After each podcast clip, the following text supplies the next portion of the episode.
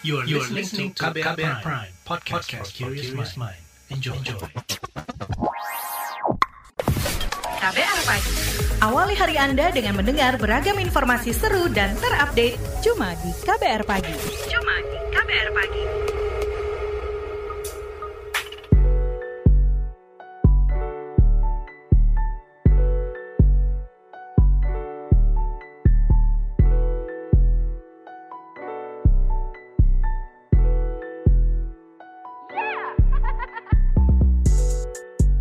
KBR Pagi, siaran pagi radio paling update. Selamat pagi, apa kabar Anda hari ini di hari Selasa, 12 April 2022?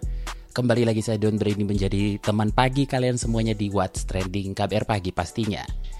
Setelah dua kali lebaran tanpa mudik selama pandemi COVID-19, akhirnya di tahun ini pemerintah membolehkan masyarakat untuk mudik lebaran. Eits, tapi ada syaratnya nih. Buat yang mau mudik, mesti lebih dulu menjalani vaksinasi booster atau dosis ketiga. Nah, yang belum bisa booster karena kondisi tertentu gimana nih? Maka sesuai aturan yang berlaku, pelaku perjalanan dalam negeri tersebut wajib menunjukkan hasil negatif tes RT-PCR atau rapid test antigen. Dijadikannya dosis ketiga vaksinasi COVID-19 sebagai salah satu syarat mudik itu kemudian memicu peningkatan antusiasme masyarakat. Kalau biasanya penyuntikan booster per hari itu sekitar 300 ribu hingga 400 ribu, namun sekarang bisa mencapai 700-an ribu. Bisa kebayang dong ya bagaimana tingginya antusiasme masyarakat untuk bisa mudik dan menghabiskan waktu bersama keluarga di kampung halaman saat Idul Fitri nanti. Berdasarkan survei yang dilakukan Kementerian Perhubungan, ada 85,5 juta masyarakat yang ingin melakukan mudik tahun ini. 14,3 juta di antaranya berasal dari wilayah Jabodetabek, wilayah yang menjadi mayoritas tujuan mudik adalah Jawa Tengah, Jawa Timur, dan Jawa Barat. Selain itu, juru bicara Kementerian Perhubungan Adita Irawati mengatakan Kemenhub akan menerapkan pemeriksaan secara acak terkait dokumen perjalanan, khususnya terkait vaksinasi. Random checking ini dilakukan khusus pada pelaku perjalanan mudik yang menggunakan kendaraan pribadi, baik roda 2 dan roda 4. Nah gimana nih, udah pada booster belum? Sebelum kita bahas lebih lanjut soal ini, kita dengerin dulu komentar netizen plus 62 berikut ini.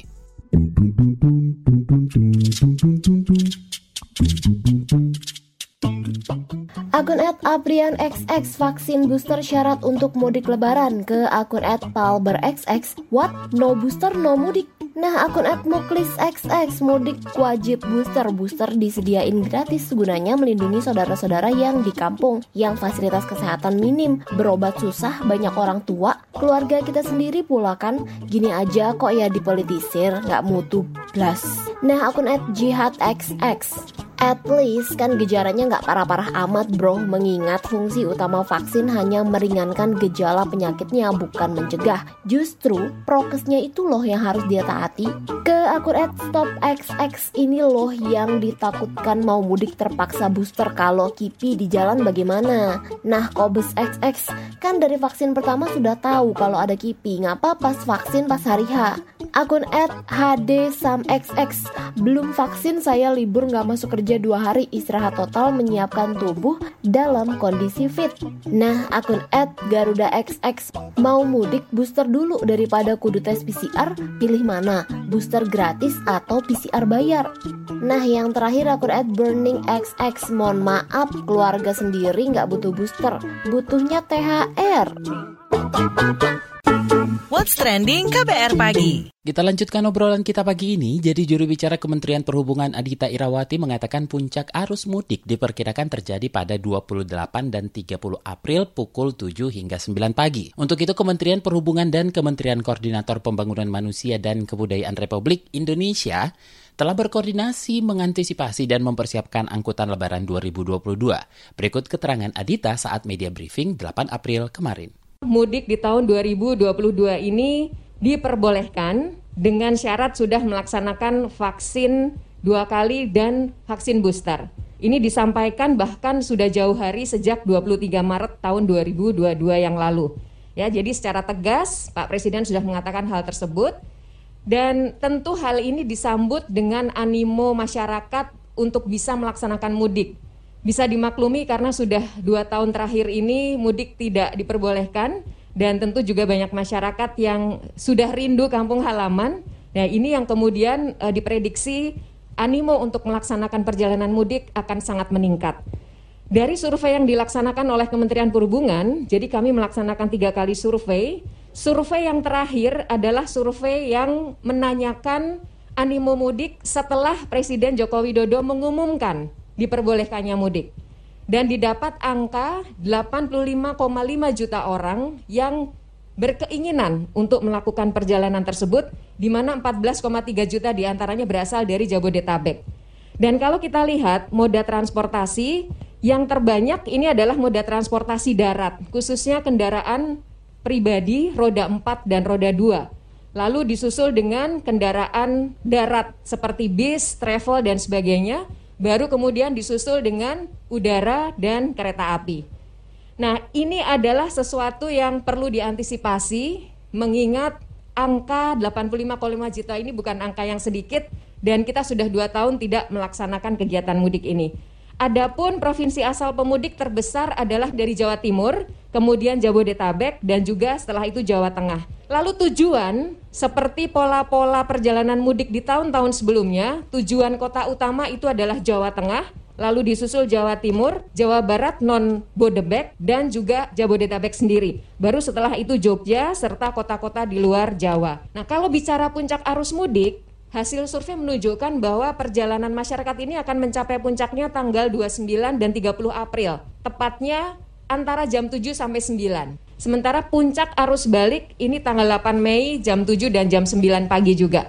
Dari survei ini tentu akan menjadi pertimbangan kami juga dalam mempersiapkan segala sesuatunya karena akan banyak sekali isu-isu strategis yang perlu kita antisipasi bersama. Melalui keterangan persnya Menteri Perhubungan Budi Karya Sumadi mengatakan pihaknya telah menyiapkan sejumlah skenario manajemen rekayasa lalu lintas yang akan dilakukan pada masa mudik lebaran tahun 2022.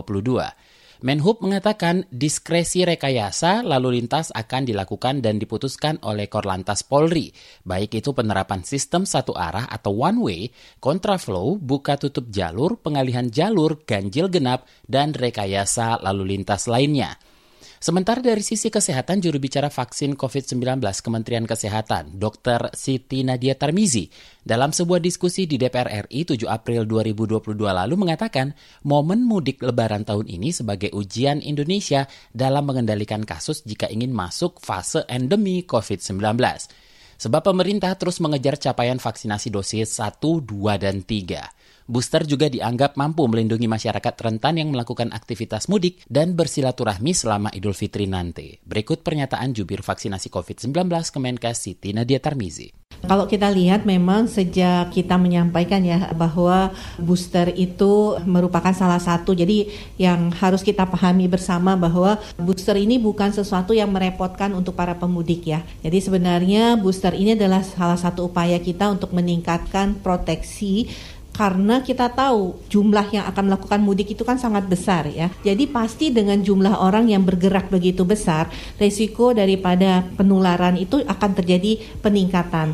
Nah, karena resikonya meningkat, makanya kita tambahkan juga proteksi kekebalan pada tubuh kita untuk lebih bisa meningkatkan kemampuan kita nanti menghadapi resiko-resiko peningkatan laju penularan yang terjadi tadi. Yang kedua adalah kita selalu tahu kalau mudik itu selalu kumpul dengan orang yang lebih tua dan dalam perjalanan itu pasti juga ada orang-orang yang punya komorbid kan dan yang ketiga pasti akan ada anak-anak di bawah usia 6 tahun yang akan ikut mudik. Nah ini adalah tiga kelompok rentan yang harus kita lindungi sejak awal. Makanya kemudian kita mendorong dan sebenarnya mengapa kemudian pemerintah mengambil kebijakan untuk booster itu jadi salah satu yang kita lakukan sebelum mudik sebagai bagian sebenarnya menjaga kesehatan kita semua. Kalau lihat jumlahnya memang kita lihat memang terjadi lumayan peningkatannya yang tadinya sekitar 300-400 ribu sekarang penyuntikan per hari untuk dosis ketiga sekarang ini sekitar 700 ribu sampai dengan 760 ribu ya.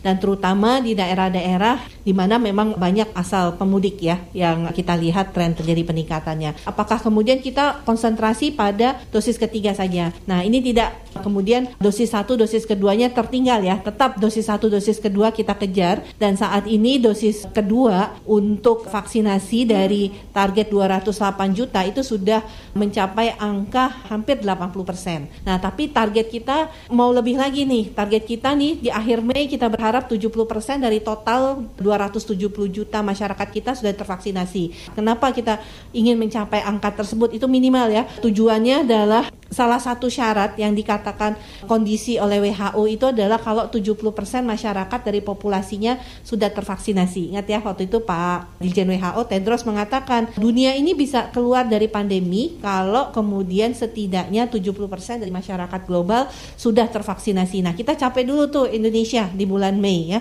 Jadi secara bersamaan melengkapi dosis kedua itu tetap menjadi prioritas karena kita tahu nggak ada gunanya banyak yang orang booster tapi kemudian yang dosis keduanya nggak lengkap itu akan men terus menjadi lokus kelemahan kita di mana kalau nanti ditambah dengan mobilitas yang tinggi itu akan menjadi potensi peningkatan kasus yang besar. Jadi strategi yang kita lakukan tentunya menghadapi hajatan besar ya tahun ini dan ini sebenarnya uji coba untuk kita semua karena kita tahu bahwa dalam perjalanan nanti kita hidup berdampingan dengan COVID-19 akan selalu ada ya event mudik dan selalu akan ada Ramadan tiap tahunnya.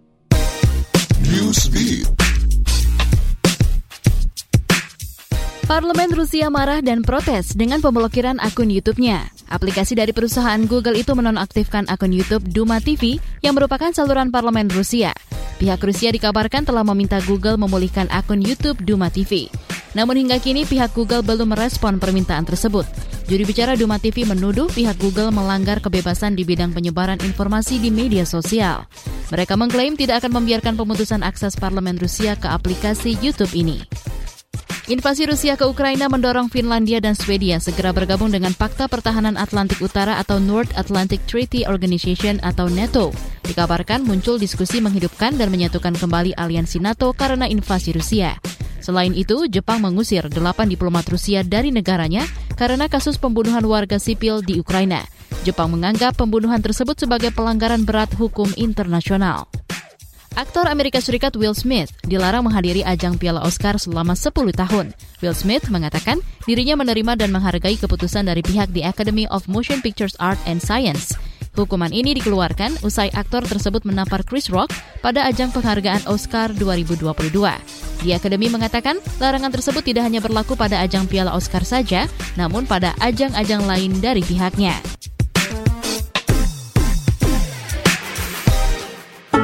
What's Trending KBR Pagi. Berlomba-lomba booster untuk mudik itu yang kita obrolin pagi ini. Nah, amankah mudik dilakukan dengan syarat booster? Dan apakah Indonesia mampu menjadikan momen mudik ini sebagai masa transisi pandemi ke endemi? Kita langsung saja tanyakan ke Dewan Pakar Ikatan Ahli Kesehatan Masyarakat Indonesia, IAKMI, Hermawan Saputra. Pak Hermawan, bagaimana Anda melihat booster sebagai syarat mudik? Adakah catatan baik, positif, dan negatif?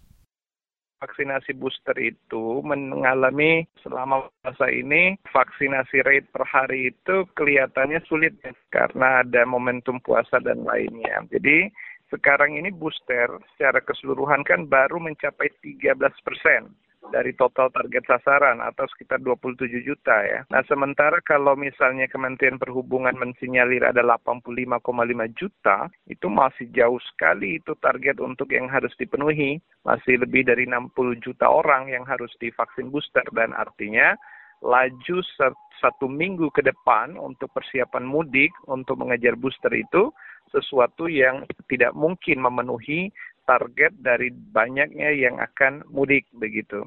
Nah, sehingga booster ini sebenarnya pilihan dan anjuran untuk orang tetapi mensyaratkan booster mobilitas mudik saya rasa tidak tepat sebenarnya. Dan sebenarnya kalau platform peduli lindungi kita bagus, setiap orang itu kan punya alert sebenarnya, reminding mekanisme yang karena waktu dia dosis kedua sudah lebih dari 3 sampai 6 bulan, sebenarnya lebih mudah untuk uh, diberikan catatan atau anjuran agar segera di booster.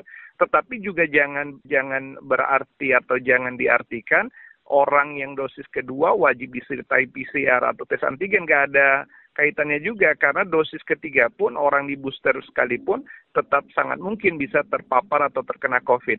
Antara vaksinasi dengan prasyarat mobilitas menggunakan swab antigen atau PCR sebenarnya hemat saya tidak ada relevansinya langsung untuk pencegahan pengendalian COVID.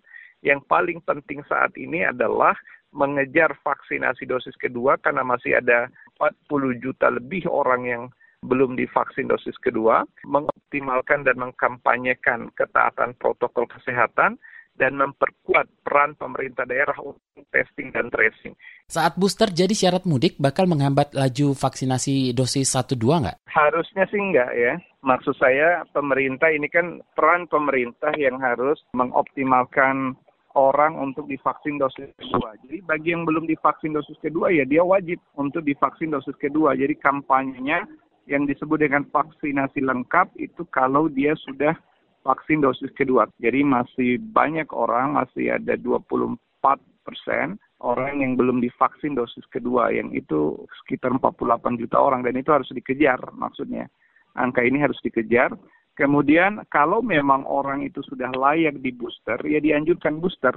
Tetapi memang menjadikan booster sebagai prasyarat mudik, nah ini yang titik tekannya, menjadikan booster menjadi prasyarat mudik itu tidak tepat, karena nggak ada gunanya juga booster sekarang ini baru sekitar 27 juta, sementara potensi pemudik bisa 85 sampai 100 juta orang, jadi nggak akan kekejar dan penggunaan moda transportasi juga akan berpengaruh sehingga pengecekan dan pengawasan di lapangan tidak relevan maksudnya menjadikan booster ini sebagai prasyarat mudik begitu. Nah, Kemenkes mengatakan mudik jadi ujian dalam mengendalikan kasus COVID-19 jika Indonesia ingin masuk fase endemi. Menurut Anda gimana nih Pak? Belum persyaratan pertama, kalau WHO mencabut status pandemi dari global, maka beberapa negara harus mempersiapkan transisi.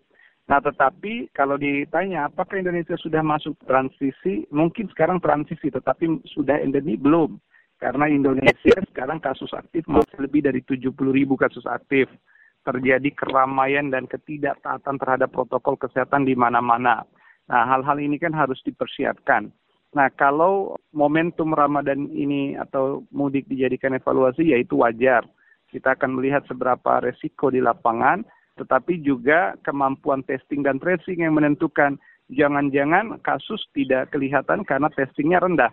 Nah, itu yang dikhawatirkan. Maka aktif testing atau aktif case finding itu yang harus dipertahankan oleh pemerintah dan pemerintah daerah. Begitu. Apa saja catatan Anda dalam mencegah penyebaran COVID-19 pada momen mudik ini? Pertama, ketaatan terhadap protokol kesehatan yang cukup rendah ya. Sekarang ini walaupun terjadi pelonggaran aktivitas, dibolehkan untuk beribadah, terawih, dan lain-lain di berbagai tempat ibadah dan seterusnya, cuman ketaatan protokol ini rendah banyak sekali orang yang sudah menggunakan masker ya ini harus kembali dipantau dan dikampanyekan. Yang kedua, kemampuan pemerintah daerah untuk menyiapkan fasilitas yang layak dan sehat. Jadi mulai dari tertib ya tidak ramai dan berkerumun, mulai dari perjalanan yang mungkin macet, tempat-tempat pariwisata, bagaimana tempat-tempat uh, makan atau kuliner, kemudian juga testing dan tracing yang dilakukan oleh pemerintah daerah. Itu semua masih belum dilakukan Nah, yang terakhir saya pikir angkutan sekarang ini berbeda dengan dulu sebelum pandemi ya. Sekarang ini angkutan udara terbatas. Dengan angkutan udara yang terbatas, orang banyak sekali menggunakan angkutan darat dan laut. Nah, justru di angkutan darat dan laut, terutama penggunaan moda transportasi pribadi, nah ini yang harus dilihat skenario bagaimana testing, tracing sekaligus penjagaan terhadap kesehatan itu menjadi arus besar untuk ditangani secara baik termasuk di area di area-area transit ya yang dimungkinkan di jalur darat yang ada begitu. Terima kasih Dewan Pakar Ikatan Ahli Kesehatan Masyarakat Indonesia, Hermawan Saputra. What's trending KBR pagi?